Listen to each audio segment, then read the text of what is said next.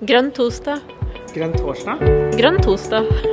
Grønn torsdag. Grønn torsdag.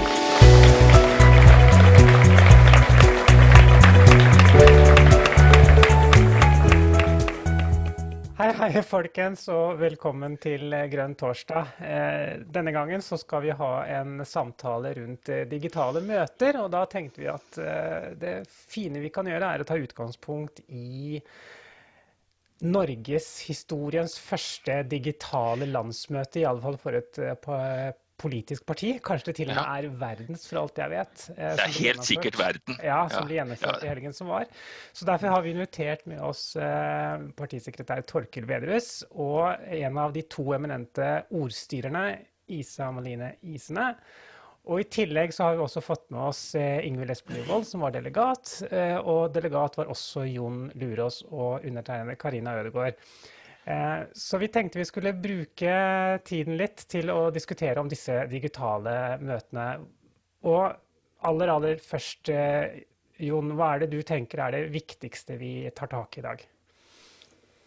Det viktigste vi tar tak i, er jo at dette bare var helt fantastisk. Jeg hadde grua meg. Eh, Her kan det gå ting galt, men det kan vi jo ikke helt tro på når eh, noen forbereder seg så mye. Men det er jo fare for det. Men vi kjører i gang nå, gjør vi dette. Det er drittøft om vi får det til. Og dette er bra. Og så- Ja. Og så- må jeg si, eh, som du egentlig hinter frem på, Jon, det var jo fantastisk gjennomført eh, landsmøte. Eh, vi har jo jobbet litt med disse grønne torsdagene, så vi vet jo litt hva som ligger bak. Og vi har jo ikke akkurat vært i nærheten av like mange deltakere. Eh, og det å få dette til å henge sammen så smooth som det gikk eh, Altså, jeg er sykt, sykt imponert. Det var en prestasjon. Det må ha vært utrolig mye planlegging som ligger bak, tenker jeg. Torkil, kan du si noe om det? Ja, vi har jo planlagt dette i to år faktisk nå, eh, at vi skulle ha digital landsmøte. Nei da. Eh, var, vi fikk dessverre ikke så god tid til å planlegge som man kanskje eh, burde ha når man arrangerer landsmøte. Vanligvis så starter vi jo planlegging og dette landsmøtet også fysisk var jo planlagt ganske langt på vei eh, lenge før vi eh, måtte over på at det ble digitalt. Vi hadde jo hatt landsmøtesaker i landsstyret i november-desember eh, om hvordan vi skulle ha kjøreplan og sånn. Eh, så det var jo rett og slett slik at når koronapandemien spredte seg, så måtte vi tenke gjennom om dette var et alternativ. Og liksom, da har det bare vært slag i slag fra landsstyret, altså fra 12. mars til, eh, til landsmøtet med planlegging av eh, utredning av alternativene. Så jeg hadde vel noen dager etter 12. mars så hadde jeg vel en samtale med Isa hvor jeg liksom spurte nå, eller sa noe sånt som nå må du si fra hvis du mener det er helt umulig. Eh, så hvis ikke så kan det være at vi ruller i gang noe her, på en måte. Og det gjorde jeg også med et par andre da, hos oss, bare for å sjekke at liksom eh, Driver jeg nå og liksom utreder noe som det egentlig ikke er vits å utrede, og vi bare burde utsette, da. Hva Eh, tenkte du da? jeg- Jeg må bare spørre om det. Hva tenkte du da? Nei, jeg tror eh, Torkil ringte meg før 12. mars til og med. Eh, men det var liksom sånn Jeg bodde i England da, og så ringte Torkil og sa sånn Du, tror du det går an med et digitalt møte?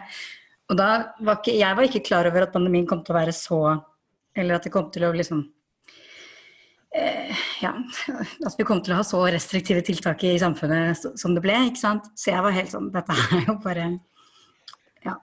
Det er jo veldig viss om at det viss om at det skjer, men det kommer jo ikke til å skje. eh, på en måte. Men jeg satt i hvert fall der da, på universitetet i York og prøvde å tenke sånn, ok, hvis det skal være digitalt, da, hvilke saker er det vi kan behandle? Hvilke saker er det det går an å utsette? Eh, og hvis man skulle behandle politiske saker, hvordan skulle vi gjøre det? For det er jo det som er på en måte vanskeligste. Det å ha en debatt, altså, det kan man jo forestille seg at går ganske fint, men masse endringsforslag f.eks. Ja, det, det er tøft å ta digitalt, da. Mm. Vi prøvde jo å gå litt gjennom det. Mm. Ja. Jeg tror jo dette med erfaring og sånn at vi vil kunne greie å finne bedre løsninger på det også. Ja, definitivt.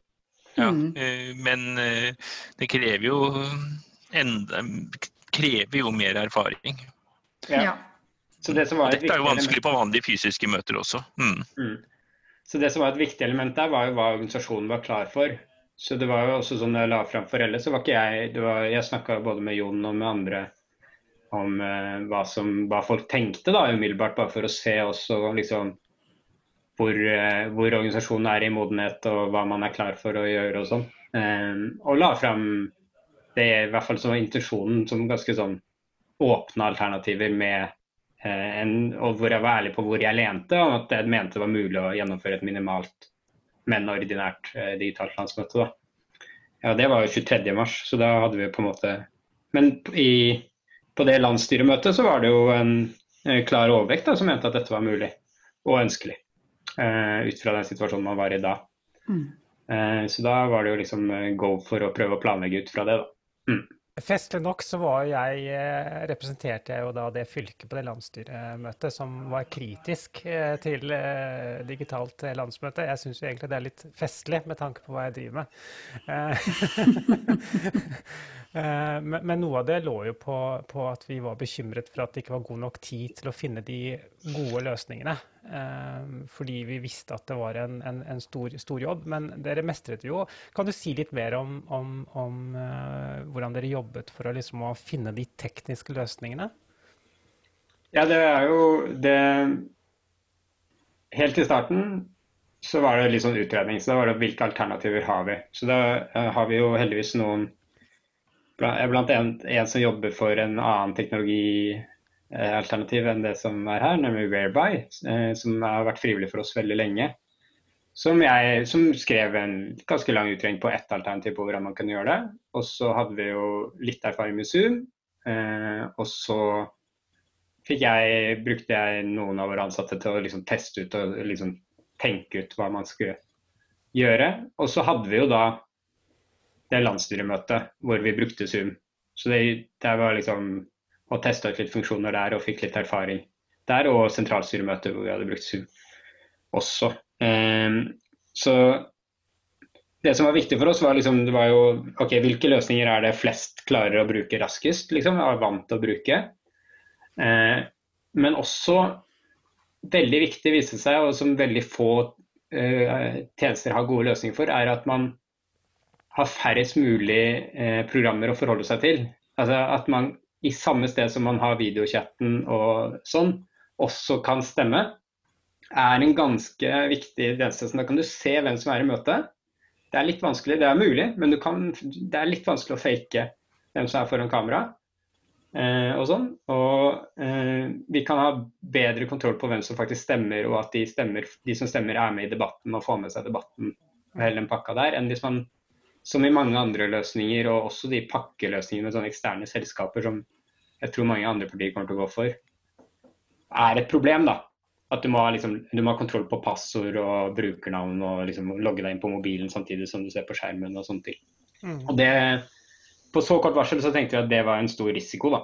Mm. så det var liksom om å gjøre å minimere risikoen for digital overload for folk, og at um, det var Og så er jeg bare generelt tilhenger av å bruke den funksjonaliteten man har i de programmene som finnes. Uh, det, så får vi heller liksom akseptere at det ikke er helt likt som vi ønsker alltid. Mm, mm.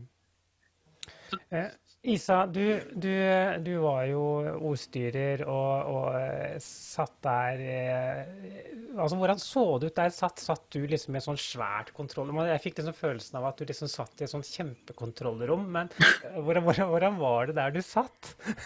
um, vi tenker jo det at vi, vi, måtte ha på en måte noen på partikontoret, sånn at vi fikk en litt sånn studieaktig følelse. Mm. Eh, men også bare det at liksom det ville vært veldig vanskelig å ordstyre, lede det møtet. Hvis ikke vi hadde rett og slett altså at vi kunne snakke til hverandre eh, fysisk, da. Eh, vi som liksom skulle være behind the scenes. Eh, både de tekniske og de som på en måte hadde ansvar for eh, delegatene og sånn. Eh, så man gjorde på en måte om partikontoret til et sånt slags studio, hvor det var viktig at vi liksom hadde eh, riktig avstand til hverandre og sånn. Og så satt jeg og Anders da på møterommet i Hausmanns gate 19, eh, hvor det er en grønn vegg, eh, rett og slett. Og så kjørte det sånn. Mm. Med hver vår hver vår bare vanlig liksom personlig datamaskin med. Så det var jo veldig sånn Altså, kameraet mitt for eksempel er ganske dårlig, så da måtte vi prøve å liksom tenke sånn Vi må prøve å få det til å se proft ut, da. Selv om, selv om vi på en måte bruker bare det utstyret vi har. Ja, ja. ja. Ja, Det så ut som du hadde noe ekstra skjerm, hadde du ikke det? Jo, vi hadde Ja. Men det, det har jeg hjemme også, på en måte. Ja. så, mm, Ja. mm. Ja, for det, det var også, også noe som ble lagt merke til, eh, var jo at, at bakgrunnen for, eh, for dere som på en måte var ordstyrere, det, altså det så veldig proft og fint ut. Altså, man, man fikk en opplevelse at dere satt i et slags studio. Ja. Vi følte at vi satt i et slags univers. Ja. Altså. Men åssen Du har jo leda et tresifra antall møter, om ikke mer. Vanlige møter, og så har, var dette ditt andre digitale møte du leda? Mm. Jeg syns jo egentlig ikke at det er så stor forskjell. Eller sånn, altså Etter hvert så kommer man på en måte bare inn i møtets gang, da, og så bare går det. Um, det merket jeg veldig fort på det landsstyremøtet vi også forsøkte oss på. da. Um, at, eh, at det gikk ganske sånn kjapt før alle egentlig bare At det er de samme på en måte ja, utfordringene som dukker opp. Det er noen som tar ordet veldig veldig mye og, og på en måte forstyrrer møtets gang. Eh, på godt og vondt. Eh, og det er på en måte eh, de samme folka, de samme spørsmålene. Altså det, det er veldig mye som er likt. Eh, og så eh, ja. Og så må man jo på en måte bare, man må bare altså, Eller også når jeg ordstyrer et vanlig møte, så har jeg jo mange ting jeg er nødt til å forholde meg til. Da. Mange eh, oversikter jeg må ha. Så, Sånn sett også så var det ganske, ganske likt. Så i hvert fall liksom fra, fra mitt ståsted, så Det var jo det å liksom mestre Zoom, da. For jeg hadde, ikke, jeg hadde egentlig nesten ikke vært på Zoom i det hele tatt før uka før det landsstyremøtet. Eh, og så måtte jeg bare teste det ut. Jeg tror Torkil også var litt oppgitt over meg noen ganger, for jeg ble helt sånn der, jeg skjønner ikke hvordan det man muter, liksom. Det var helt sånn der på et veldig, veldig lavt nivå. Men det gikk jo, det gikk jo til slutt. Men, men, men var, det liksom, var det liksom deilig å vite at du hadde, nå hadde du absolutt makt? Altså, jeg mener På et vanlig landsmøte så har du egentlig all makt da, men selv om du skrur av mikrofonen, så kan folk skrike ut i, i rommet, hvilket noen faktisk gjør hvis det er de skal avslutte et eller annet. Her er det sånn at hvis de blir muta, så er det ingen som hører det. Var det litt deilig å ha den derre Altså, akkurat den, det der å kunne mute alle, syns jeg personlig er veldig digg, ja. Men det er jo ikke sånn at uh, ordstyrere har all makt. Man må jo ha støtte fra salen. Um, og det er jo også faktisk, eller sånn um, For meg som ordstyrer så er det veldig viktig at jeg har At, at jeg ikke misbruker det mandatet jeg får. Uh, så jeg har jo ikke lyst til å gjøre det heller. Um, og det er jo vanskeligere, selvfølgelig, uh, å komme fra salen når man sitter digitalt. Det er det. Og vanskeligere også for meg å lese lesesalen. For vanligvis i et fysisk møte så er jeg veldig sånn opptatt av å prøve å finne hvem er det som er helt nye her. Hvem er det som ikke forstår gangen i møtet, og prøve å liksom snakke til den personen, da. Og det er jo vanskeligere fysisk, på en måte. Hva Var det sånn at du hele tiden så på en sånn skjerm hvor du så på alle participants, eller eh, litt avhengig av type maskin du har, da, så kunne du si enten 25 eller 49 av gangen. Eh, gjorde du det? Ja, og jeg skal ikke si hvem, men jeg fant på en måte noen mennesker som jeg fulgte med på. Fordi det eller, Men det pleier jeg faktisk å gjøre i et fysisk møte òg, da. Pleier liksom å følge med på noen spesifikke personer. Eh, for å sjekke reaksjonen. Referansepunkter, med andre ord. Ja. Mm, mm. Ja. Det tror jeg aldri du har fortalt eh, når du har hatt kurs om møteledelse. Jo, ja, kanskje jeg ikke har fortalt det. Noen hemmelig. Nei. Ja, Kom det små hemmeligheter? Nå, fikk vi noe ny informasjon her, kjenner jeg. Nå kjente jeg liksom, Dette her var jo verdt hele møtet alene å få. Ja. Nei, men så, nei, så bra. Eh, hva, var, hva, hva var du mest redd for kunne skje galt, eh, Isa? Eh, ja. Jeg var mest redd for egentlig det som skjedde litt også. At, eh, at man plutselig følte at man ikke hadde salen med seg. Eh, fordi det, det, det, er, det er ekkelt når man er ordstyrer i det hele tatt. Da, å få mange mennesker som blir veldig frustrerte og sinte. Eh, og det, det, er jo helt forståelig også at man blir det eh, hvis man ikke eh, forstår møtets gang og blir bedt om å gjøre noe som man ikke forstår, eller ikke får den tiden man trenger.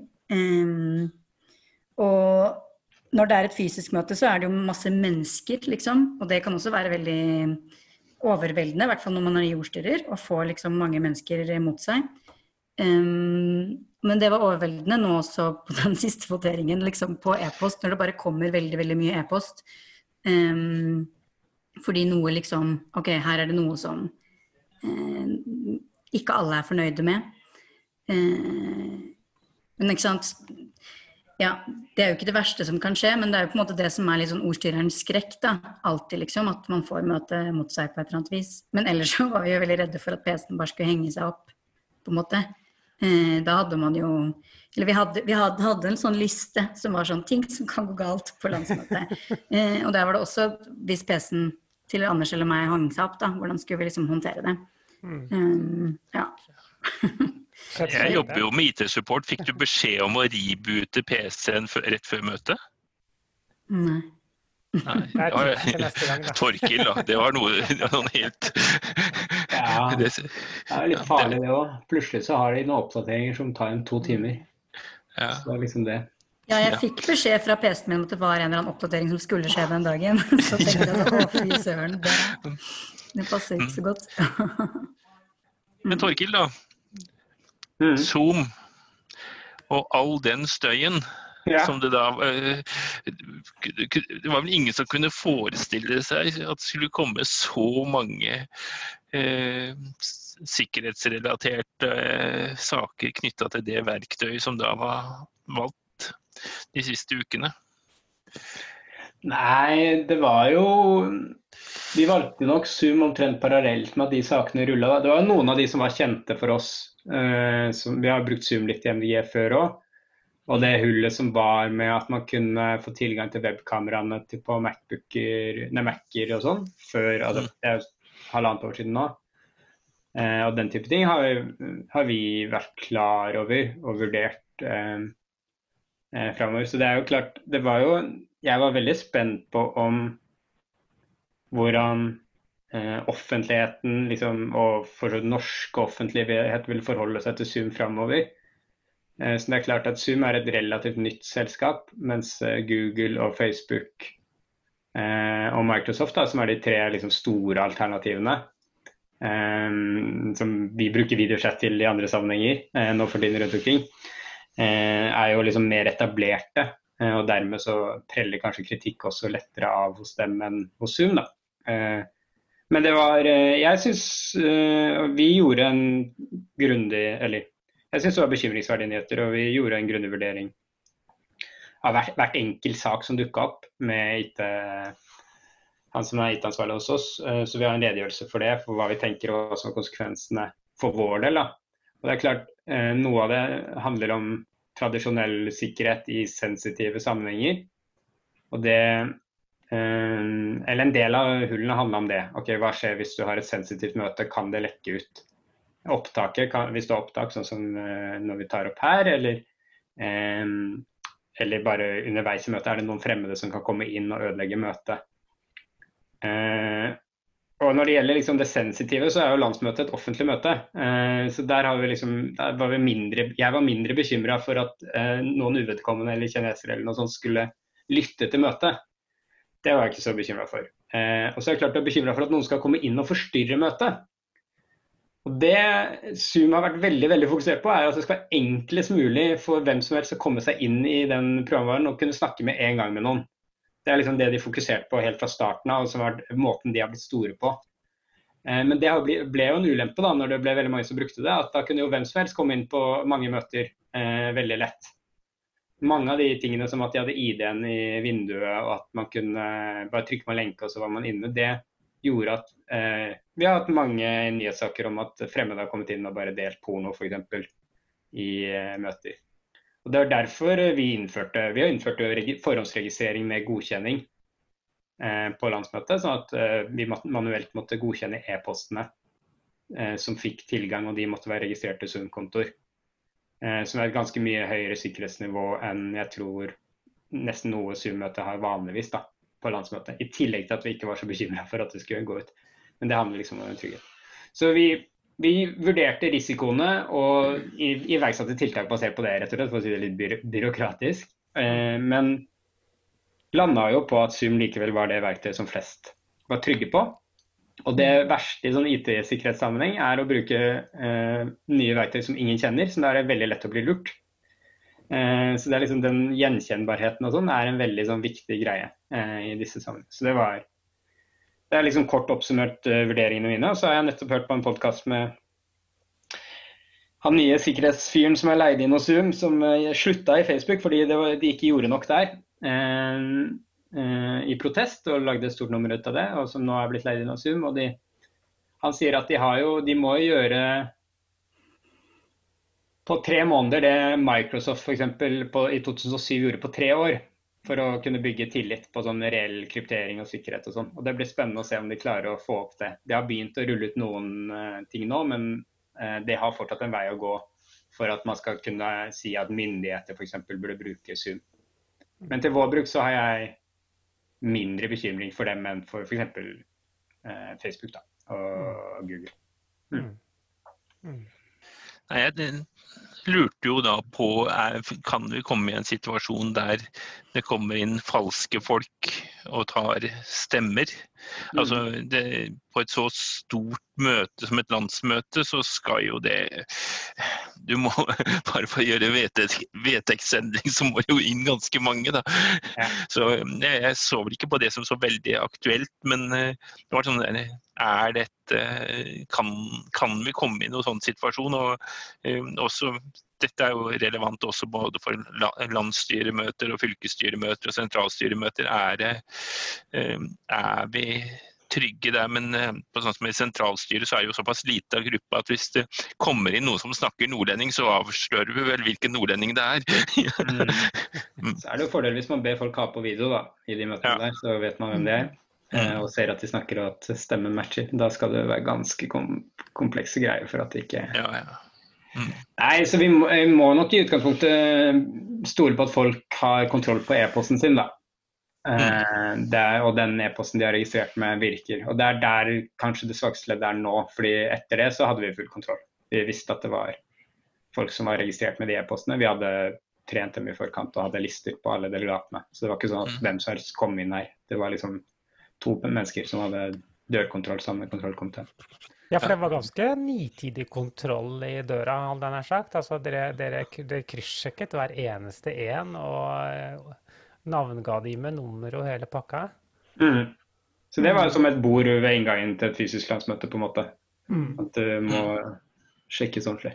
De gjorde jo en kjempejobb, eh, Reisa og Lena, med å gjøre det. Og de øvde seg også på å gjøre det på formøtene.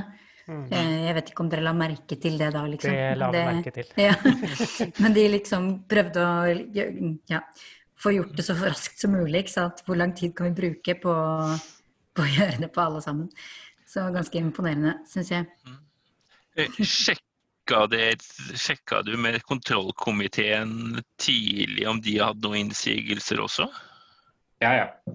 Mm. Det, det, måtte jeg. Jeg viste hadde ja. prat med Tore Bergum.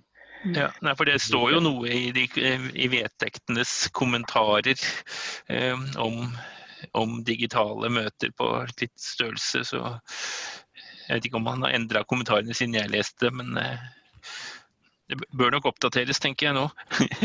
ja. Nei, gikk, vi gikk gjennom opplegget og snakka med han om hva, hvilke hensyn han mente det var viktig at vi tok. Og sånn. Og så er det jo de som De er jo mer kontroll etterpå ofte, da. Men uh, han hadde ikke noen innsigelser eller de hadde ikke noen innsigelse på hvordan vi gjorde det. Og så var de der jo også på en måte, Han var der jo både i kraft av å være referent, men også telle korps. For det er jo også en del av liksom han At når du er vert, så ser du jo på en måte tall, altså stemmetallene og sånn. Mens når du bare er gjest, så gjør du gjerne ikke det. Så det var viktig at kontrollkomiteen så at det vi sa, eh, at ble resultatet stemte, da, f.eks. Mm. Ja, det er faktisk et viktig poeng. Eh, fordi disse avstemningene er jo ikke tilgjengelige for oss andre. Vi ser resultatene, men, mm. men vi, vi, kan jo ikke liksom Hvordan skal vi vite at det du sier er rett, på en måte? Mm. Mm. Absolutt. Og sånn sett, apropos det spørsmålet du stilte i stad, egentlig, så er det jo mye makt i å være ordstyrer, liksom. Når du Det kjente jeg veldig på landsstyremøtet. Da tror jeg det var bare Torkel og jeg som så resultatet på avstemningen, hvis Torkel så det. Jeg så det. Ja. Eh, så det er jo på en måte Ja, det var viktig for oss at det var flere som så, da. Mm. Eh, også fordi, altså eh, Ikke at jeg hadde tenkt til å lure noen, men det er noe med at landsmøtet skal være sikre da, på, at, eh, på at det er riktig. Mm. Ja. Men um, vi må nesten videre. Ingvild, du, du, du var jo landsmøtedelegat. Hvordan, hvordan opplevde du det å bli kastet inn i et digitalt møte? Uh, Hva tenkte du først uh, når du fikk vite at det skulle være digitalt? Nå var jeg, jeg var på det landsstyremøtet der vi bestemte det, da. Eh, Så jeg hadde jo meg sjøl å skylde på en måte. Eh, Men det var jo litt sånn Jeg hadde jo gleda meg til å dra på landsmøtet. Det er jo kjempestas, eh, den landsmøtehelga. Så litt nedtur er det jo, men det er jo på en måte litt sånn Det finnes større nedturer i den perioden som er nå, så det er på en måte Ja. Det er mer sånn kult at det gikk an å få det til. Og så var det jo Lurte jo veldig på hvordan det kom til å bli. Og du, du blir jo du blir jo litt sånn kake etter å ha sittet åtte timer eller noen ting sånn foran skjermen. Eh, blir liksom sliten på en annen måte enn enn på et annet langt møte. Men det var jo det var kjempekick. Veldig moro å være med på. Eh, sånn den derre jazz hands-seansen som var når noen hadde blitt valgt og så. Det var kjempestemning. Selv om det ikke blir det samme som du får i en, i en eh, vanlig stor eh, landsmøtesal, eh, så var det ordentlig kjekt å være med på. Og så ser du sånt Altså når noen står på et podium langt, langt framme der, så, så er, det jo, er det jo faktisk litt langt framme der, selv om det selv om du måtte skjønne hva som skjer. Men her ser du jo Une som sitter på skjermen. Sant? Du ser, ser at hun er rørt. og Det er egentlig litt sånn, det var litt sånn ekstra bonus, syns jeg. Veldig Ja. Nei, det var ordentlig kjekt å være med på. Så var det sånn som det er i møter andre ganger, da, at du sitter underveis og egentlig glemmer hele alt som er rundt, og er irritert på noen ting og veldig med på andre ting. og ja, Du glemmer liksom litt hva, hva som er formen. Ja, for det, det blir jo liksom sånn Man blir jo litt fjernere, men likevel så blir man så mye nærmere òg. Fordi at de du ser, det ser du jo helt kloss på. Altså, de har jo i praksis et kamera i fleisen. Ja, det, og det er litt sånn eh, det er kanskje, Jeg vet ikke om det kanskje er noen som syns det gjør det litt skumlere å prate òg, for at du, de vet jo at alle ser deg så godt. Men, men det er iallfall kjekt uh, når man er på møte, da. Mm. Uh, og så er det litt sånn Jeg syns jo også det var veldig kjekt. Det var en fin ting å bruke Zoom, at du har faktisk alle de her små menneskene på skjermen foran deg, eller, eller den store, da, hvis du velger den varianten å se på. Uh, men men altså, du, har, du kan følge med på masse mennesker istedenfor at du ser en masse bakhoder foran deg, f.eks. hvis du sitter bak i salen. Mm. Så du får liksom sett reaksjonene på en annen måte. Da. og Det er også litt ålreit. Og så var det Ja. Det er én ting. Jeg er kjempeglad for at vi brukte eh, Zoom. Jeg skjønner at det er mange fordeler med morstyrer, men det er også veldig OK som, eh, som delegat eller som deltaker. Da. Eh, Vi har nå brukt ja, Det er jo en haug med ulike plattformer. Du kan kjøre bingo og se hvor mange av Skype og Zoom og Teams og Messenger og du og Hangout og hva klarer du å være innom i løpet av noen dager. Liksom. Men Zoom er veldig ålreit uh, verktøy for de som er med, syns jeg, å være med på. Jeg må bare si det at eh, før Karina og jeg begynte med Grønn torsdag, det var vel faktisk da oktober 2018 eller noe sånt nå, vi har hatt på en evighet. Men da hadde vi en ordentlig gjennomgang på disse tilgjengelige verktøyene, og vi var jo ikke i tvil om hva som var best. Det var, det var så, som var best da. og mm. Og, og, og den viktigste grunnen var jo at Zoom er blant de plattformene som ha, er best egnet for å, å holde møte hvor du skal ha mulighet for avstemninger, og du ser flest av gangen. Å ha et møte hvor du maks ser fire av gangen, det er ikke det, er ikke det vi vil ha. Nei, det er ikke noe høydere, altså. Jeg var i kommunestyremøte her forrige uke. Vi er 59 stykk. Og så ser du de her fire på skjermen, da. Eller ordstyrerbordet. Eh, satt i et eget møterom, og så du tre andre på skjermen. Og så ser du nesten ikke deg sjøl når du snakker. Eh, og så eh, prøvde du å skrive i chatten ved siden av forslaget eller ordet eller også, ja, hvordan vi skal gjøre det når vi har avstemning. Og så. Det var utrolig ryddig på landsmøtet. Veldig greit sånn forklart. Sånn, sånn stemmer man. Det betyr det. Veldig Før- greit å forholde seg til. Føler du at, at du, at du fikk eh, ble forberedt godt nok på det som skulle skje? Altså, altså hvordan opplevde du, du, du eh, forberedelsene? Altså, vi hadde jo vanlige delegatmøter på forhånd, eh, sånn som vanlig. Så på en måte den, den måte, saklige forberedelsen var jo som normalt. Eh, Men rent sånn teknisk så var det veldig greie de her formøtene som ble kjørt. Eh, Veldig, ja, Der kunne vi spørre om alt vi lurte på, og fikk en veldig sånn trinn for trinn praktisk gjennomgang av eh, hva skjer, sammen med alle de andre måte, vanlige landsmøtet, Eh, det man, det man må vite for å få det til å funke. Og, ja, vite hva man har eh, rett til og hva man ikke kan gjøre, og alle de tingene her. Eh, og- så ble vi jo oppringt, eh, jeg vet ikke, kanskje ikke alle, men iallfall de som eh, ikke sa fra at de ikke hadde behov for det, ble nå oppringt og testa lyd og bilde og sånn. Det, det er også litt sånn betryggende da, å vite at alt er på plass før du skal i, i gang. Mm, mm.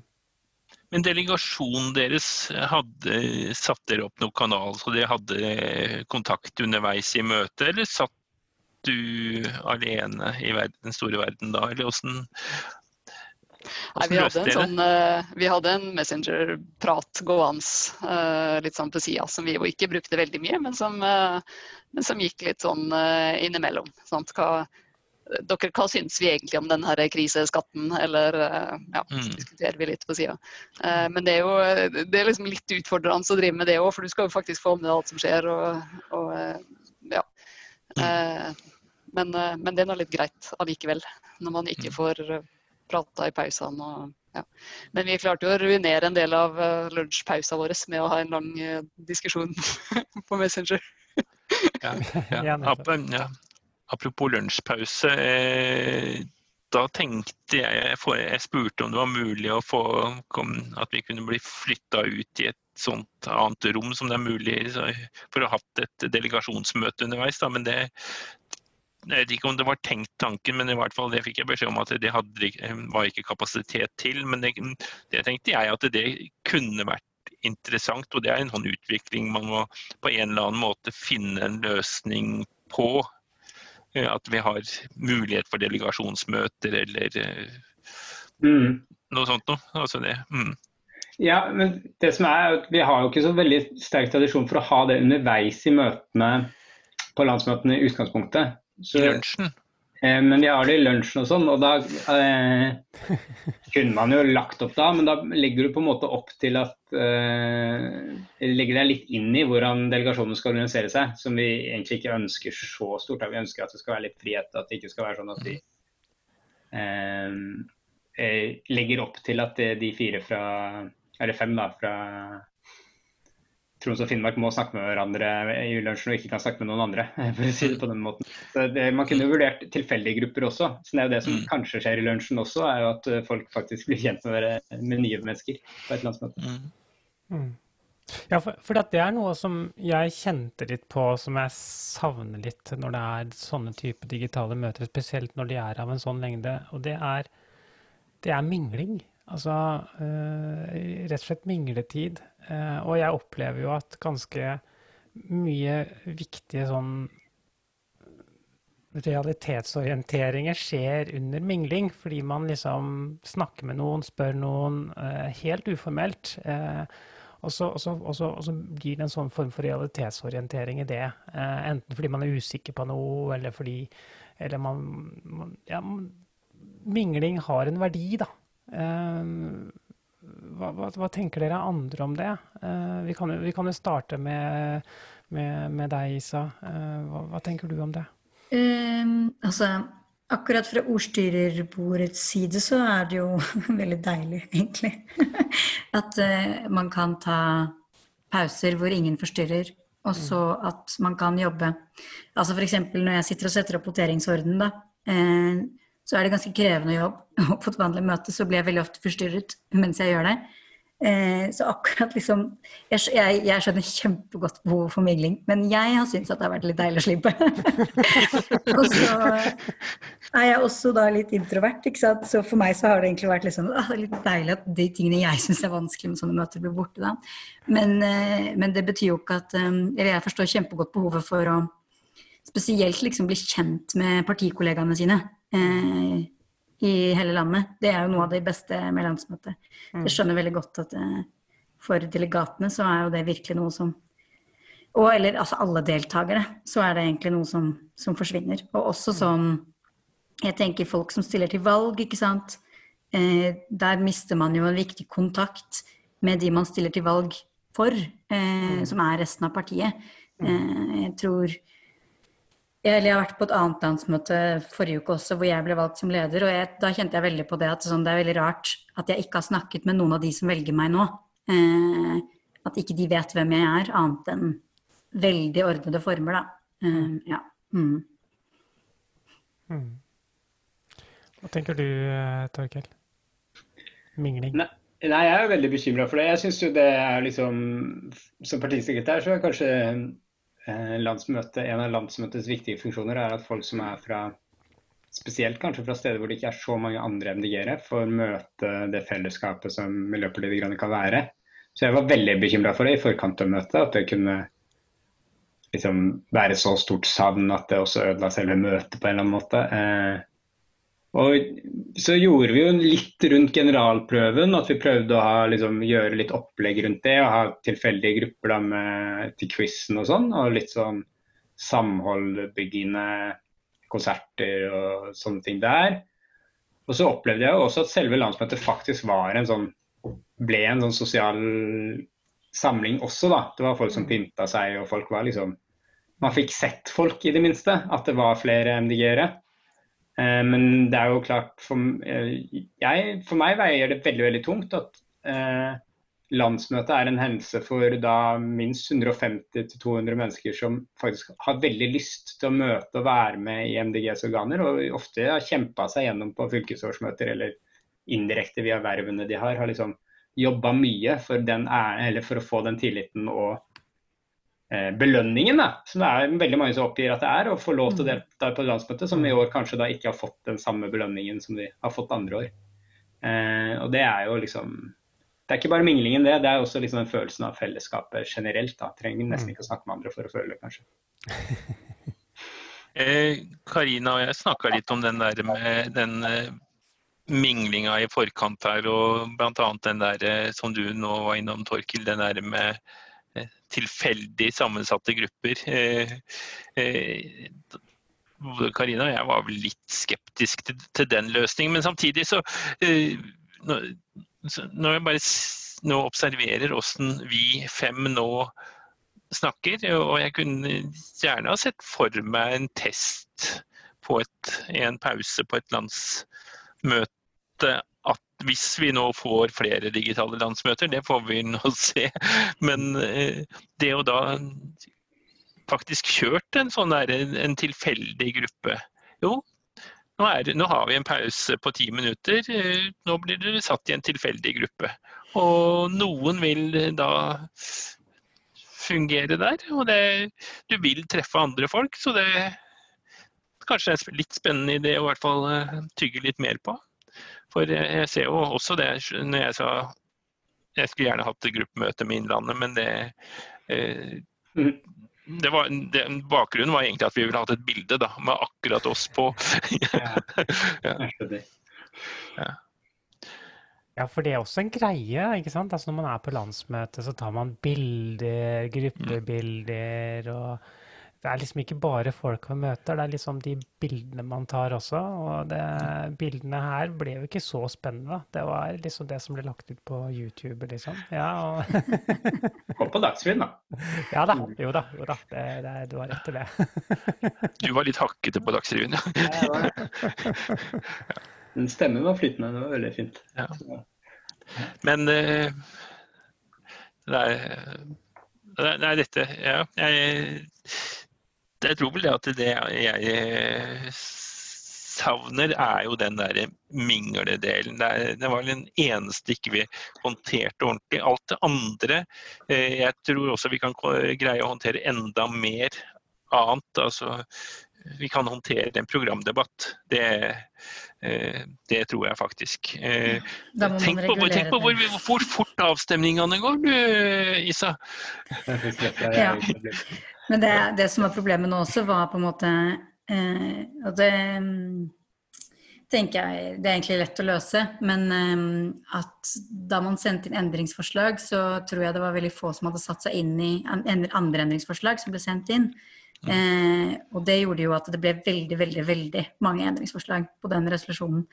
Eh, og mm, også med tanke på at vi satt fristen såpass seint som vi gjorde på å sende inn endringsforslag, så ble det en veldig stor jobb å gjøre i midten av møtet. Så jeg var jo borte store deler av møtet, både for da satt jeg med redaksjonskomiteen, og så skulle jeg liksom sette opp en voteringsorden etterpå. Og det krever jo på en måte virkelig at man konsentrerer seg. Jeg pleier å bruke natta på å gjøre det, liksom. og nå hadde jeg bare noen få timer å gjøre det på. Eh, Så jeg så heldigvis da at eh, vi var litt bak skjema. Det var liksom at det er bra, for nå Ellers så hadde det ikke gått. Um, men ja, jeg tror det er absolutt mulig i programdebatt. Og eh, i 2016 så syns jeg også vi gjorde det ganske godt. Da hadde man liksom eh, Man hadde på en måte forslaget til program, og så kunne man gå på et punkt, og så kunne man se hva slags forslag som lå til det punktet. Eh, så gjøre tilsvarende også med resolusjoner, da. Det, det kan nok funke ganske godt. Ja, for når vi først nå er inne på resolusjonsbehandlingen, eh, så, så eh, Nå hadde du litt flaks med det med, med, med, med eh, den rekkefølgen man skulle votere i, da, fordi det, det den ble jo ikke tatt helt i bruk, for å si det mildt. Så det, du, du, du jobbet jo ganske mange timer forgjeves her, Isa. Ja, det var veldig Var det litt, var det litt sånn skuffende, akkurat det? Ja, altså, ja, skuffende og skuffende. Det går det jo på en måte ikke an å si som ordstyrer. Fordi det skal hele tiden være sånn at alle alternativer skal være mulig, liksom, for landsmøtet å bestemme. Um, men um, nei, jeg var helt sikker på at vi, skulle, at vi kom til å bruke tid på å gå gjennom punkt for punkt. Så um, da vi voterte over det helhetlige endringsforslaget, som jeg også har lyst til å si sånn, det var egentlig ikke et helhetlig endringsforslag som sådan, men på en måte hvis man godtok alle anbefalingene til redaksjonskomiteen, så kom resolusjonen til å se sånn ut. For i mandatet til redaksjonskomiteen så sto det at de ikke skulle, ha, eller de skulle ikke lage et helhetlig endringsforslag. Så det er bare derfor jeg har liksom lyst til å presisere det nå Ja. i ettertid. Um, men eh, jeg var ganske sikker på at det kom til å falle, eh, og at vi da kom til å gå gjennom punkt for punkt. Jeg tror også det er en av grunnene til at det gikk såpass fort som det gjorde, for jeg tenkte at eh, alle trenger ikke å måtte lese seg opp på absolutt alle punktene og sette seg inn i voteringsordenen her nå, fordi vi kommer tilbake til det. Eh, Så tar vi den liksom helhetlige forslaget først, og så faller det, og så går vi skikkelig sakte gjennom punktene. Det var sånn jeg forestilte meg at det skulle bli gjort i hodet da. Um, Ja, og jeg skjønner vel at veldig mange ble forvirra. Det ble vel kanskje ikke kommunisert så godt at alle fikk eh, den tanken med seg, tror jeg. Ehm, og, det, det, og det skjønner jeg jo, for du skal jo heller ikke si at man skal votere stemme nei til det helhetlige forslaget. Eh, det, det, det, Det, er det jeg gjøre. tenker skulle Isa sagt. Ja. Jeg tenker nå det er at dere bør stemme nei på dette, slik at vi får gjort dette Ja, skikkelig. jeg mente jo heller ikke altså det, var jo også, det er jo også en lettelse, selvfølgelig, når det er så enkelt. ikke sant? For det blir jo veldig enkel votering når det er veldig sånn Det er et helhetlig forslag å forholde seg til. Da. Jeg tror ehm, Nei, jeg tror at eh, jeg så Ja, jeg burde ikke tatt den slutningen at denne her kom til å falle. Ehm, og så burde jeg nok liksom tenkt Eller jeg burde også sagt Gitt at jeg tenkte det jeg tenkte, så burde jeg også sagt sånn Nå trenger ikke dere å tenke så mye på alle de andre forslagene. Se på det helhetlige endringsforslaget først, liksom. Eh, så det ser jeg i ettertid at det kunne vært en annen måte jeg gjorde det på. Men det var jo også sånn, ikke sant. Og det syns jeg også er sånn Det er alltid flertallet som er nødt til å, å bestemme. Eh, det er jo det som er liksom også kjedelig da, med demokrati. Og flertallet bestemte jo liksom tre ganger da, at de ville ha den resolusjonen sånn som den lå. Eh, og da da greide jeg heller ikke å rette opp den feilen eh, igjen, for da hadde flertallet allerede talt. Og så var det jo et betydelig mindretall. Ja, ja, for det ble jo gjort flere voteringer på det. Eh, mm. Slik at man hadde en mulighet til å ombestemme seg. Men mm. samtidig, noe av det som, som, som, jeg opplevde, og som jeg har fått høre mange snakket om òg, det er at de opplevde at det, det var litt kort tid å, å lese denne uh, Lese den nye resolusjonen på, og alle forslag som har kommet inn, og voteringsorden og hele den pakka der. Og Eh, på et vanlig landsmøte så er det jo gjerne slik at man får dette her eh, på morgenen etter at redaksjonskomiteen har jobbet til langt ut på svarte natta, og så, og så mm. går det noen timer før man begynner å votere. Og da har man mm. liksom mulighet til å mingle, man kan diskutere gjerne Ofte blir det diskusjonstema under frokosten. Eh, mm. kanskje har man til og med en pause, kaffepause, eh, før man voterer på selve landsmøtet. Slik at måte, man, man, får eh, flere muligheter til å kryssjekke en del ting med kolleger. Og, dette, og, det mistet vi jo helt nå. Um, Ingvild, hva, hva, tenker du rundt det? Du var jo delegat for en helt annen delegasjon. Ja, nei, vi, eh, vi er jo ikke mer enn seks stykker da, fra Møre og Romsdal som sitter her. Um, det var Det gikk jo fort, som du sier, Isa. Og det var ikke alle hos oss som var sikre på hva vi stemte på, eh, rett og slett. Og som eh, det, var, ja, det var det samme som mange satt med, kanskje. At det var litt sånn antiklimaks når vi skjønte at å ja, ja, nei, men da, da har vi en resolusjon, da.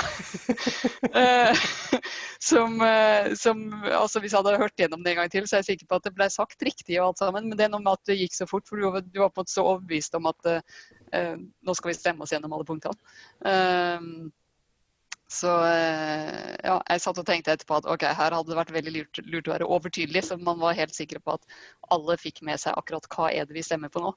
Men det er himla lett å være etterpåklok og si det. ja. Men ja. For, meg, for min del også, og vi var veldig sånn da Une holdt avslutningstalen, så satt vi liksom fordi vi skjønte at Og nå er salen forvirra, liksom. Vi skjønte ikke hva som skjedde. Det åpna jo på en måte et ekstraordinært landsmøte der, Isa. Det har vi ikke snakka om. Det, det var litt interessant det grepet du tok der. At du liksom, etter at vi hadde lukka et digitalt landsmøte, så var det plutselig et nytt landsmøte som skulle stemme på nytt over det samme. Det er litt det, det må vi snakke nærmere om hva som egentlig var greit der. Men, ja. Eh, men, men det, eh, det, føltes veldig viktig eh, å høre, eller å liksom få ja. bekrefta at eh, flertallet faktisk var for den mm. behandlingen vi hadde gjort. Um, jeg tror Hvis så... ikke du hadde gjort det, så hadde det vært ganske mange som satt og var litt sånn sinna rundt om. Ja, men, og det var mange som var sinte. Vi fikk masse sinte e-post underveis mens Une holdt den talen. Så det var, det var, veldig mange som ble sinte. Mm. Um, men flertallet Det er også det som er interessant, eller jeg bare har tenkt mye på det, fordi eh, det ideelle er jo at alle sammen skal forstå hva som skjer. Men Eh, i et landsmøte så er det jo nok på en måte at flertallet skjønner det for å få et vedtak. Så det er jo liksom um, Ja. Det, det, ja, det er veldig interessant det der med mindretallet. Eh, fordi mm -hmm. noen ganger så kan mindretallet virke som flertallet, ikke sant. Eh, og det var sånn det føltes for meg i hvert fall da jeg fikk alle de e-postene. Så tenkte jeg sånn å shit, nå føler virkelig eh, nesten hele møtet da, at eh, de ikke skjønte hva som skjedde. Men så virker det som at det var først og fremst et stort mindretall. Mm. Ja. ja. Eh, dette kunne jo ha skjedd på et fysisk landsmøte også. Det, det er ikke det har skjedd på fysisk ja. landsmøter. Jeg bare trengte å si litt om det. da. Det, altså, vi har hatt mange landsmøter hvor resolusjonsbehandlinga Vi har hatt et landsmøte i 2015 hvor man vedtok en resolusjon som ingen delegater hadde lest. Eh, f.eks. Eh, bare for å nevne det. I 2012, mitt første landsmøte, så var det sånn at man eh, gjorde eh, resolusjonsbehandling av grupper, hvor folk bare fikk lov til å velge hvilken gruppe resolusjon de skulle behandle, og så ble det behandla ferdig der, og så var det landsmøteuttalelsen. Så vi har jo utvikla oss en del der. Eh, og det er, Vi har alltid liksom, i mange år egentlig hatt en tradisjon for å presse inn flest mulig resolusjoner inn i landsmøtet også, sammenligna med andre mm. partier. Og også, kort, og også en kultur for at, det, nei, må, for at, man må ha mulighet til å fremme endringsforslag underveis i debatten fordi man skal høre hverandre. ikke sant? Så Det er jo, det er jo skritt vi tok her med at vi satte endringsforslagsfristen til møtestart. Eh, men så er det en ulempe at landsmøtet var én dag, som er veldig tydelig. Og det, mm. Jeg tror vi er der nå som parti at vi ikke særlig ofte i noe, verken landsstyre eller landsmøte kommer til å behandle resolusjoner samme dag som eh, vi har debatten. Eh, det tror jeg liksom kanskje er slutt. Og så tror jeg også eh, vi fortsatt Det vi slet veldig mye med før, var jo informasjon til delegatene underveis i møtet om hva som skulle skje. Fordi ordstyrerne blir overbelastet. Eller ordstyrerne har én jobb, og det er å gjennomføre møtet. Men den informasjonsflyten ut til delegatene kan ikke ordstyrerne holde på med samtidig som de skal styre møtet. Og Det har, man, eh, har vi ofte undervurdert over tid, det er min sånn erfaring. Eh, og også her kanskje ble, var det det som ble litt flaskehals da, eh, underveis. At liksom ISA måtte gjøre ferdig voteringsorden før vi kunne eh, lese forslagene osv. Og, så og forslagene var ikke distribuert i forkant og den type ting. som vi, man kan ha liksom nesten, Det er nesten sånn at jeg har tenkt at vi til neste landsmøte skal ha liksom en eller to sånn delegatombud som bare tenker på informasjonen til delegatene hele veien. Mm. Eh, og sier ifra når de ikke får informasjon, eh, og blir hørt helt inn i liksom, toppledelsen av landsmøtet på den måten. Da. Fordi den der, måten, den der eh, At folk skal tegne seg til dagsorden og sånn, det funker ikke så bra. Fordi det eh, er veldig varierende hva slags tilbakemelding man klarer å få der, og hvor man klarer å følge opp. Veldig. Og det syns jeg også er interessant å snakke om bare når den anledningen byr seg nå, da. Eller altså det å tegne seg til dagsorden er eh, Dette får du ikke lov til å snakke om nå, det er du sutra så mye på. Nei, men, men, men, men for dette veldig ofte så er det, helt, er det viktig at man får gjort det. ikke sant? Fordi det er, det er viktig informasjon som man får. Eh, så det er på en måte Ja. Det syns jeg også er en sånn spennende kultur vi har i akkurat partiet vårt. Da, eh, at dagsorden er på en måte en veldig sånn rett som man opplever at man har. At man skal kunne liksom stoppe opp møtet for å snakke med ordstyrerne. Eh, og noen ganger så er jeg veldig glad for det. Fordi jeg f.eks. Eller alle gjør jo feil. Eh, det har jeg gjort mange ganger når jeg har holdt voteringer òg. Og det har vært veldig takknemlig for at folk legger merke til ting som ikke var helt i orden, og så kan vi rette på det underveis. Det er helt supert, liksom. Og det tror jeg er viktig at man får gjort. Samtidig som at eh, ja, det, det, er virkelig å stoppe opp møtet, ikke sant. Og det er det ikke alle som tenker opp. Eller de tenker veldig at det er viktig at jeg får sagt det jeg mener nå, om voteringsorden f.eks. Eh, mm. mm. Ja. Nei, du fikk lov til å si det. Ja. Takk. Du har sagt det før. Ja. Vi, får ta, vi, får ta, det som det var til dagsorden. ja, men nå, nå, må vi komme oss videre her. Eh, nå må vi sånn, se litt grann, eh, En ting som jeg da grubler på, er jo da f.eks. nominasjonsprosessen til høsten. Mm. Eh, det, kan, vi kan fort komme i situasjonen at vi da også da må ha digitale møter. og eh, Det er vel noe jeg ikke føler meg helt trygg på at de forskjellige fylkeslagene er klare for. Det, men at når partiet på nasjonalt plan har greid å gjennomføre dette her, det gjør jo det at jeg er mer optimist på at det faktisk er mulig. Eh, men eh, dette, dette, må vi nok bruke en del tid på. Det er mm. jo da elleve fylker, er det det det er blitt? Som da Nei, ja, det er litt flere nominasjonsmøter. 19, 19, 19 ja. eller ja. Mm. Det er nok sånn 17-18 Uh, 17 nominasjonsmøter som skal gjennomføres. Ja, Og i løpet av to-tre helger, tenker jeg. ja, nei, det brer seg nok litt mer utover. Men ja. vi har til april, altså. Men uh, ja. det er, det er um, NRK spurte meg jo om det. om nominasjonsmøter og sånn, hva vi tenker der. Mm. Der er det jo liksom, det er jo klart nå at sammenligna med de andre partiene så ligger vi på en måte foran. da. Eh, de andre partiene utsetter jo landsmøtene sine og er veldig usikre på om de klarer å velge ledelse og sånn også. Eh, eh, digitalt. Jeg tror jo at det kan være at noen fylker faktisk har lyst til å ha nominasjonsmøte digitalt, nesten litt uavhengig av koronasituasjonen. Hvis de er trygge på løsningen. Mm. Det kan være noen fylker hvor det er en fordel demokratisk. Det er i hvert fall en avveining. Eh, og sånn som de største da, i geografi, eh, hvor det også kan være trøbbel med reising og sånn. Og dyrt, da, spesielt i nord. Eh, har jeg tenkt at det kan være at noen har lyst til, men det er som du sier opp til fylkeslagene litt. Og så skal nok vi Altså Hvis man gjør det digitalt, så er det ingen tvil om at vi nasjonalt kan stå for eh, liksom, eh, mye av gjennomføring eh, på en trygg måte, tenker jeg da. Og så får vi se om det er noe folk ønsker og vi er trygge på.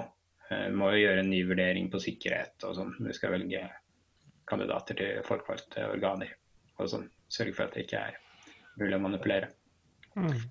Det er Nei, sånn- det, jeg har også tenkt at det her må, må nok sentralt uh, ha en klar uh, Altså bidra om vi skal greie å få til dette, hvis situasjonen da er sånn at man må, må eh, ha- de fleste digitalt. Da. Men det, det vet vi ikke før etter sommeren.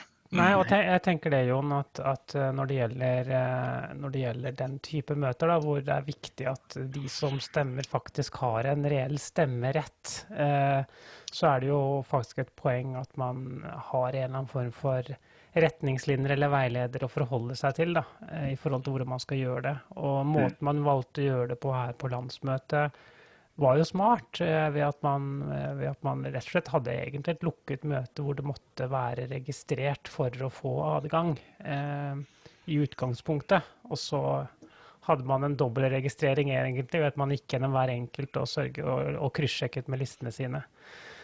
Så det er, jo en, det, det en forbilledlig måte å gjøre det på for å sikre at det er rette personer som er til stede, tenker jeg da.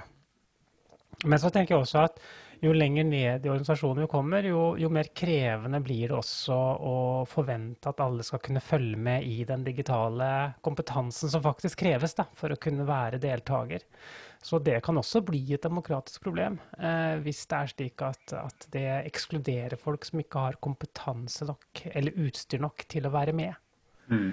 Eh, det, det, nevnte jeg ikke da. Vi kjørte jo en undersøkelse på alle delegater om Mm. kompetanse og utstyr og sånn, og fulgte opp de som eh, rapporterte at de mangla noe, mm. enten kompetanse eller utstyr, mm. direkte eh, fra sentralt. Og det kan man jo ja, kan jo hjelpe noe, i hvert fall. Mm. Når det gjelder programmøter og sånn, andre møter eh, som du nevnte, Jon, så er jo altså Selve programmet var interessant at du mente at det var lettere, men det er jo veldig veldig mange voteringer, da. Så det er jo det å holde tunga rett i munnen på hvilken votering man er på og sånne ting. Så Voteringer går så kjapt på, på Zoom. Altså, ja, det er nesten problemet, vet du. fordi da er du ikke helt sikker på at de henger med. Og det er vanskelig å se at man ikke henger med. Så det er liksom, det er, det er den største ulempen. Men samtidig så vet man hva man stemmer over, og kan lettere ha kontroll på det. Eller sånn, fordi det er Man har alle forslagene inne lenge før landsmøtet. Etter de retningslinjene som vi skal ha nå. Der er det ikke sånn frist møtestart-opplegg. Mm. Der er det liksom ganske klare alternativer i god tid. Mm. Men dette er helt vanlige problemer på et vanlig landsmøte også, da. Mm. Men, men hvis ja. eh, Vi var jo innom mingling i stad. Men eh,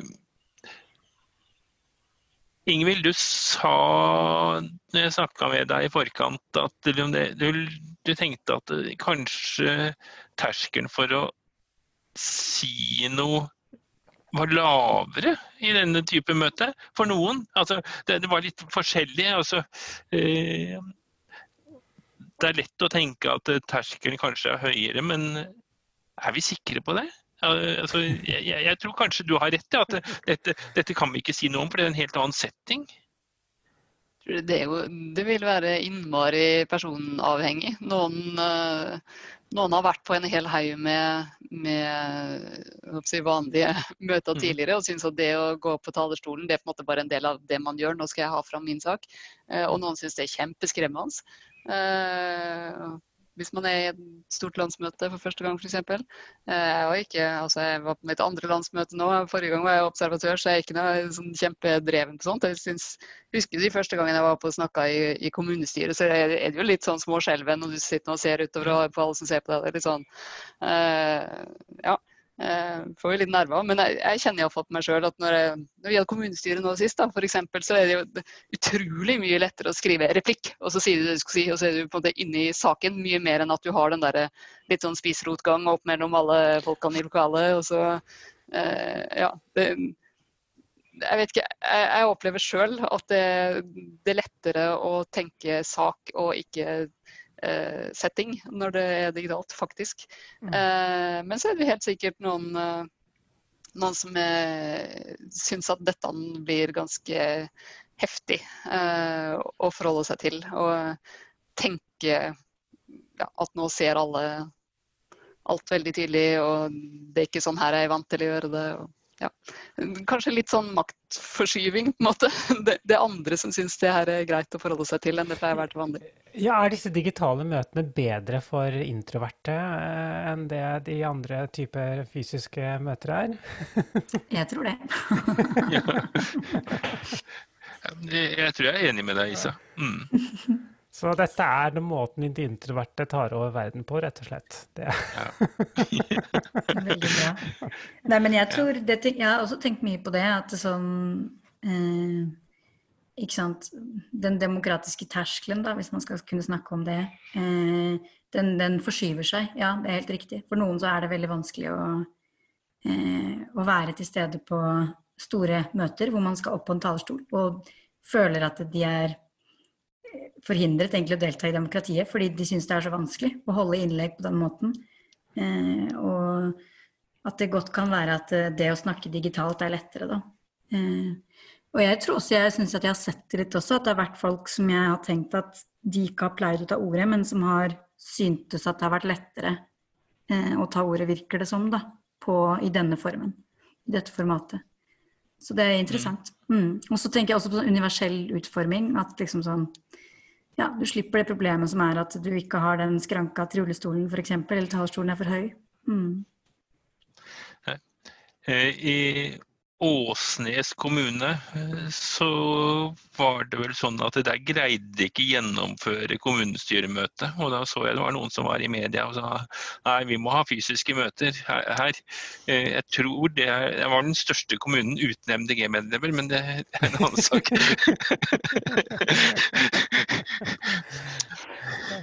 Mm.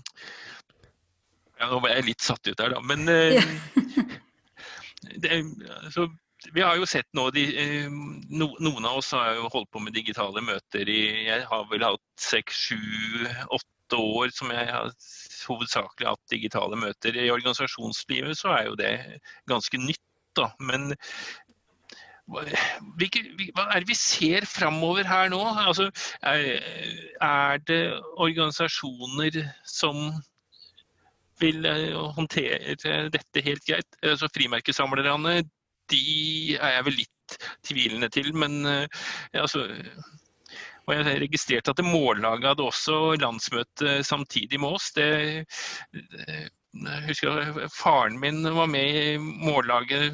og da var, nei, nei, ene Broren min var også med, og han var da yngste. og han Da var han 6, 55. Mm. så, liksom, så, så det er imponerende. Men det er eh, altså, Hva tror du, Isa? Du eh, er et organisasjonsmenneske og jobber litt i en organisasjon. Ja, jeg jobber jo da i en paraplyorganisasjon, men det er jo en paraplyorganisasjon for um, barne- og ungdomsorganisasjoner. Mm. Eh, så det gjør jo at um, det er ganske mange av dem da, som er ganske teknisk kompetente. Eh, men det jeg tror som er helt reelt, er at jeg tror at det kanskje kommer til å bli flere tekniske løsninger på sånne type årsmøter og landsmøter eller møter generelt. Um, og det er det jo flere som også har begynt litt med. altså så Når du ser voteringer underveis i et møte f.eks., så er det en del som bruker apper til de voteringene. Det har ikke vi gjort i MDG ennå. Uh, men Go Plenum er på en måte en sånn løsning, f.eks. Uh, og jo, da går det fortere, og så ser du altså Du kan egentlig være enda sikrere på at stemmetallene er riktige. da. Uh, for det der tellekorpsfunksjonen, den tror jeg etter hvert kommer til å bli ansett som ganske gammeldags, eh, rett og slett. Da. Og der er det jo også veldig liksom kommer veldig an på det mennesket som teller. Jeg har bare vært cellekorps noen få ganger selv, og jeg vet at det, man går veldig fort i surr. Så jeg tror, jeg tror, at det skjer en endring der. Det tror jeg. Mm. Men det er, da har du mer tro på endring i de barne- og ungdomsorganisasjonene enn fri, frimerkeklubben, da, i den grad ja. det fins fremdeles. Ja. Mm. Det tror jeg fortsatt fins, men, eh, men, ja. Det, det, men det er, er, det ikke sånne endringer skjer, da? jo. jo. Ja. Ja.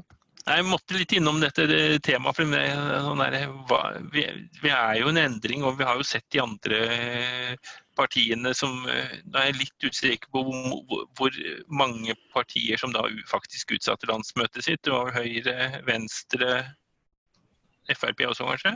Ja, alle andre som hadde nå, har nå i mellomvalgsår. Så de på ja. venstresida har bare annethvert år. Eh, ja. Så Venstre, Frp og Høyre utsatte. Frp skulle jo ha ett, altså neste helg.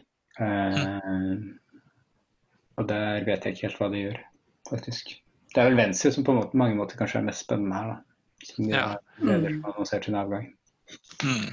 Det var vel ikke organisatorisk helt greit, kanskje, men sånn, altså sånn, sånn, det at man da ender opp med å, at alt blir flytta. Ja, men det skal vi, ikke, vi skal ikke snakke for mye om det. Ja. Mm. Ja, men Bra. Eh, Ingvild, hva tenker du i forhold til organisasjonsliv og digitale møteflater da, eh, når vi først eh, har denne?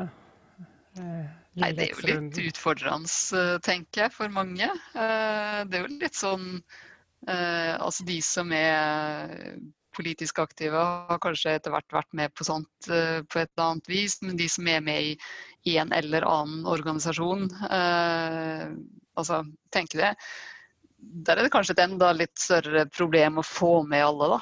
Eh, vi hadde et medlemsmøte i lokallaget her på mandag. Eh, vi var ikke så veldig mange, vi var vel en jeg vet ikke, sju stykker eller noe sånt. Og hun ene brukte jo en gode 20 minutter på å komme seg inn, da, og så var det ei som faktisk ikke klarte det. Eh, jeg tror ikke vi er så atypiske der. Uh, og det er litt sånn, Når ikke du har et svært apparat rundt deg, noen som sitter og kan være teknisk hjelp, og noen som kan ha alle de ulike rollene, så er det litt sånn Sånn er det jo veldig, i veldig mange organisasjoner. Du er ikke så veldig mange personer å dele det på. Og det er ikke så sikkert at det sitter noen der er superdigitalkompetente. Og det er litt uh, i hvert fall en sånn overgangsperiode. Da. Kanskje litt vanskelig å få til sånne ting. Uh, men, men, veldig mange vil jo sikkert oppleve at dette går fint. Også. Mm. Men i MDG så har vi jo Altså, vi er jo ganske digitale i utgangspunktet. Jeg bare tenker også på sånn er, Jeg har i hvert fall vært med på den endringen fra at man sendte endringsforslag skriftlig til ordstyrebordet, altså man skrev på en lapp liksom, med penn og papir, eh, til at nå sender man det på e-post eller gjennom et sånt endringsforslagsskjema. Og det er jo en endring også som skjer som gjør at ting blir mer og mer digitalt. Da. Og det er sikkert vanskelig for noen. Eh, men, eh, men det gjør det veldig mye lettere i, til slutt, tror jeg, da, å organisere møter. Mm. Mm. Mm. Ja, jeg, jeg, kan jo nevne at det skjer jo ting i arbeidslivet òg. Altså, sånn som eh, Jeg er i en situasjon hvor vi søker etter folk eh, i to nye stillinger hos oss. og på, jobb, på, jobben min. Og, og, eh, vi har da valgt å gå litt bredt ut, så vi har da kalt inn 15 personer til førstegangsintervju. Og det vi gjorde, var jo at vi satte opp en eh, møtekalender hvor de sjøl kunne plukke ut de timene de ville ha, de mulige timene vi hadde satt opp. Slik at de slapp å ringe hver enkelt for å avtale spesifikt. Og 14 av 15 har fått til det uten problem. Um, så, uh, og det har Den 15. fikk ikke jobben. Den 15. er ikke sikkert for jobben, nei. Det, det har du for så vidt rett i. Uh, så, så, så, sånn sett så, virker det jo som om folk får det til, da. Og det, man sparer utrolig mye tid på det. Uh, det må jeg jo si. for å si det sånn, det hadde fort det, jeg, jeg sparte en arbeidsdag på den, den løsningen der. Bare det er, samtaler. Mm. Ja, det er jo, ja, Nå skal vi ikke dra den diskusjonen, men det er jo eh, det er jo et tema, de som da ikke greier å tilpasse seg den digitale mm. hverdagen. Så det er, eh, det er noe og det er jo faktisk et tema som man, vi faktisk burde ta på alvor, hvordan vi skal adressere det. Eh, for det kan jo faktisk bli et demokratisk problem, og det er i hvert fall et samfunnsproblem. For da er det noen som faller uten Altså enda en arena du kan falle utenfor på. Um, og det, og det er, er, jo et sånt alvorsord som vi kan ha med oss som en avslutning på dette møtet, tenker jeg da. Så jeg sier tusen takk til uh, dere, både Ingvild, Isa og Torkel, for at dere var med på denne grønne torsdagen. Veldig hyggelig å bli Takk, invitert. takk til Karina også. Ja, Ja. og takk også til Jon. Veldig, veldig hyggelig. Det blir var veldig kjekt. Ja, det var det. Eh, Og neste torsdag, som er 7. mai, kan det stemme? Det tror det var det som var datoen, ja. ja da, det stemmer det. det neste torsdag, 7. mai, så blir det også Grønn torsdag. Og da er temaet tema energiomstilling etter korona. Eh, mye korona for tiden.